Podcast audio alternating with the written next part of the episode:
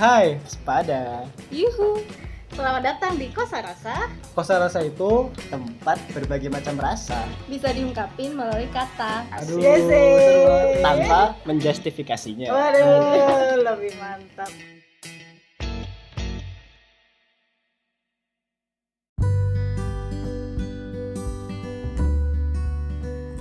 Halo, hola hola. Tidak terasa ya, kita sudah memasuki hari ketiga di bulan ini dan hari-hari rasanya begitu cepat sekali bergulir.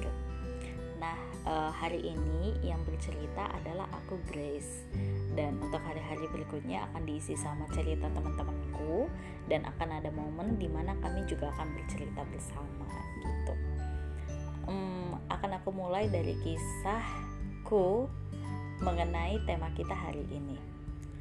Ketika lulus kuliah, itu aku ingin sekali bekerja di pedalaman. Aneh nggak sih? Tapi iya, eh, dulu itu aku pengen gitu menghabiskan 1-2 tahunku bekerja untuk anak-anak di pedalaman. Jadi aku merasa aku punya beban gitu untuk boleh eh, terlibat dalam eh, kemajuan pendidikan anak-anak pedalaman.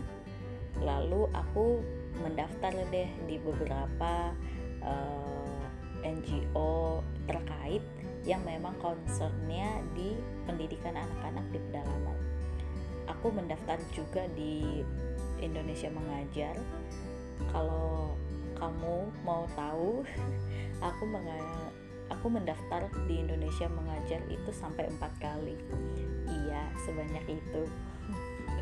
Tapi aku nggak lolos. Sebenarnya aku lolos ya, tahap demi tahap gitu. Eh, untuk penyaringannya itu aku lolos cukup banyak langkah gitu. Aku tidak lolosnya itu adalah di langkah terakhir dan aku merasa aku tidak lolosnya itu di bagian-bagian interview gitu sih.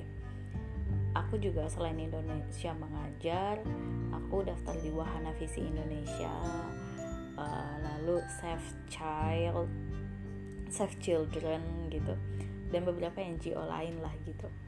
Eh, dan aku tidak keterima, sedih ya, iya sedih. Waktu itu aku sedih sekali gitu. Aku merasa apa yang salah dengan diriku. Kalau dibilang bego, aku nggak bego-bego banget kok gitu. Eh, maksudnya aku melewati beberapa tahap penyaringan yang cukup oke lah gitu. Nah, aku bertanya-tanya nih diriku kenapa sih gitu. Cuman ya udah nggak mau larut dalam pertanyaan-pertanyaan itu. Eh, akhirnya aku memutuskan untuk apa yang ada di depan mataku itu aja deh yang aku kerjain gitu. Sampai akhirnya aku keterima di perusahaan kantorku bekerja sekarang. Itu pun aku eh, kerja di situ dua tahun pertamaku aku sangat tidak menikmati gitu. Karena posisiku saat itu adalah posisi yang sebenarnya bukan aku banget gitu. Nah itulah yang terjadi ketika aku membuat satu pilihan yang terburu-buru. Jadi aku memutuskan untuk bekerja di kantor ini eh, setelah sekian bulan menganggur gitu ya dan dengan eh, daftar list kekecewaan tidak keterima untuk mengajar di pedalaman itu gitu ya. Akhirnya ya udah deh eh, apa yang di depan mata aku kerjain aja gitu. Sampai akhirnya di dua tahun pertama aku bekerja itu aku juga berpikir udahlah resign aja lah nggak menikmati begini gitu. Akhirnya aku putuskan memang untuk resign kala itu. Lalu eh, resignku juga diterima gitu. Cuman cuman em, dalam satu bulan sebelum resign itu eh, ada kejadian lah di kantor gitu ya yang membuatku eh, harus tetap bertahan gitu. Dan eh, waktu itu aku diminta untuk pindah divisi. Jadi sebenarnya bukan diminta sih aku diminta untuk membantu divisi lain kayak gitu cuman dalam beberapa bulan membantu divisi lain itu aku merasa aku menikmati gitu di divisi itu. Lalu aku beranikan diri deh mau ke tembok gitu loh. Eh, bilang ke atasanku boleh nggak saya tetap stay? It means aku nggak jadi resign tapi aku pindah divisi kayak gitu. Itu muka tembok banget sih gitu ya. Tapi itu juga sebuah pilihan gitu. Aku memutuskan untuk ngomong ke atasanku walaupun uh, itu sangat memalukan gitu ya. Agak memalukan nggak sangat sih. Lalu atasanku bilang ya oke okay, gitu singkat ceritanya gitu lah ya. Oke okay, kamu bisa deh pindah divisi gitu. Ya udah aku pindah divisi dan aku uh, cukup menikmati gitu di divisi yang ini gitu. Dan aku pun berada di divisi itu sampai saat ini gitu. Nah uh, kembali ke cerita awal gitu ya. Kenapa aku tidak keterima di beberapa uh, perusahaan katakanlah perusahaan ya lembaga lah NGO kenapa aku tidak diterima di lembaga-lembaga yang uh, concern di pendidikan anak-anak di pedalaman itu? Akhirnya aku menyadari gitu teman-teman.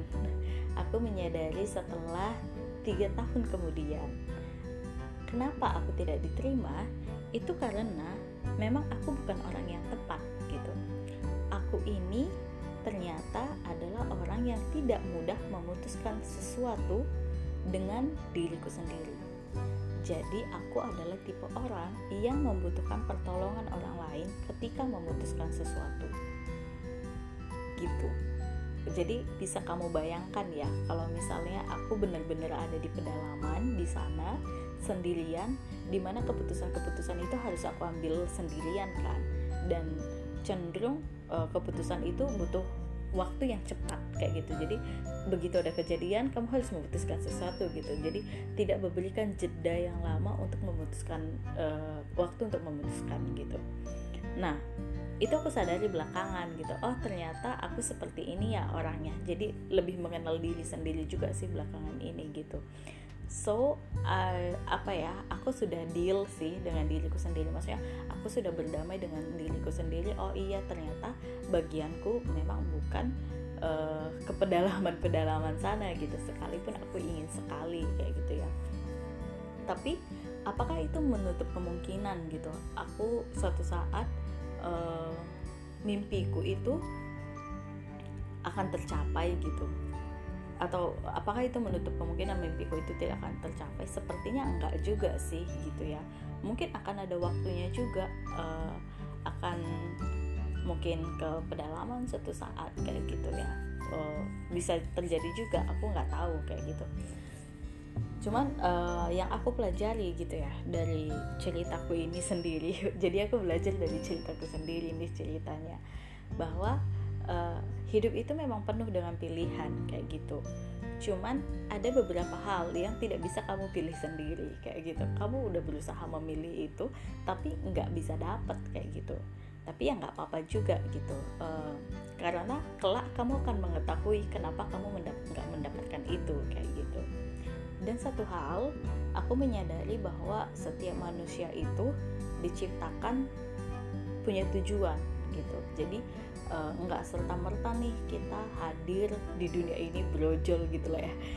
Kita lahir di bumi ini tanpa tujuan apa-apa gitu. Aku rasa pencipta itu menciptakan kita oleh karena suatu tujuan. Makanya uh, setiap manusia itu dibekali sama talenta-talenta gitu. Talenta itu diharapkan bisa kita kembangkan untuk uh, untuk mencapai tujuan itu kayak gitu loh. Tujuan si pencipta ini kayak gitu Nah, cuman itu balik lagi sih ke pilihan orangnya, tanggung jawab masing-masing mengembangkan talenta itu gitu. Dan um, dari kisahku ini aku juga menyadari sih gitu bahwa uh, setiap kita kan uh, and the kan punya tujuan ya. Kita uh, punya tujuan yang besar kayak gitu dalam hidup kita. Cuman uh, sebelum mencapai pada tujuan besar itu kita akan menghadapi eh, tujuan-tujuan kecil gitu. Di mana kita harus memutuskan uh, memutuskan beberapa hal secara kecil-kecil terlebih dahulu gitu. Dan keputusan kecil-kecil ini akan membawa kita kepada suatu bentuk yang akan kelihatan bentuknya gitu. Kalian paham gak sih maksudku? Jadi gini loh uh, ibaratnya kita sedang menyusun puzzle. Nah, puzzle ini akan terlihat bentuknya ketika kita sudah menyusun potongan-potongan puzzle yang lainnya gitu kan? Nah sama juga dengan kehidupan kita nih. Uh, tujuan besarnya kita atau bentuk hidup kita ini nantinya akan terlihat dari potongan-potongan keputusan yang kita ambil di dalam kehidupan ini gitu. Dan itu akan membentuk suatu gambar yang aku juga nggak tahu ya gambarnya nanti seperti apa tapi gambarnya itu akan terlihat ketika akhir hidup kita gitu. Apakah gambar itu indah apakah gambar itu jelek gitu itu tergantung daripada keputusan yang kita ambil gitu. Keputusan-keputusan kecil itu ya potongan-potongan puzzle itu kayak gitu sih. Gitu sih teman-teman ya. Um, yang bisa kita pelajari adalah menurutku apa pun yang kita kerjakan saat ini mari kita kerjakan itu dengan sungguh-sungguh e, memberikan yang terbaik yang bisa kita lakukan apa pun profesi kita kayak gitu ya. Tapi bukan berarti profesi kayak pencuri, pembunuh kayak gitu enggak. Kita enggak harus melakukan yang terbaik dalam bagian itu gitu ya. Maksudnya e, profesi pekerjaan-pekerjaan yang memang baik kayak gitu loh. Ya mari kita lakukan itu dengan sepenuh hati memberikan yang terbaik yang bisa kita berikan gitu. Sehingga and the end di akhir hidup ini ya kita mengerjakan pekerjaan kita dengan baik dan menyelesaikannya dengan baik dan menjadi berdampak gitu bagi orang-orang di sekitar kita berdampak baik. Begitu. So teman-teman uh, jangan takut di dalam mengambil suatu keputusan uh, apa pun itu ya keputusan-keputusan kecil gitu jangan takut mengambilnya akan selalu ada resiko di dalam setiap keputusan yang kita ambil tapi bagaimana kita mengolah resiko-resiko itu supaya bisa melahirkan suatu karya yang indah. Begitu. Selamat berjuang teman-teman. thank you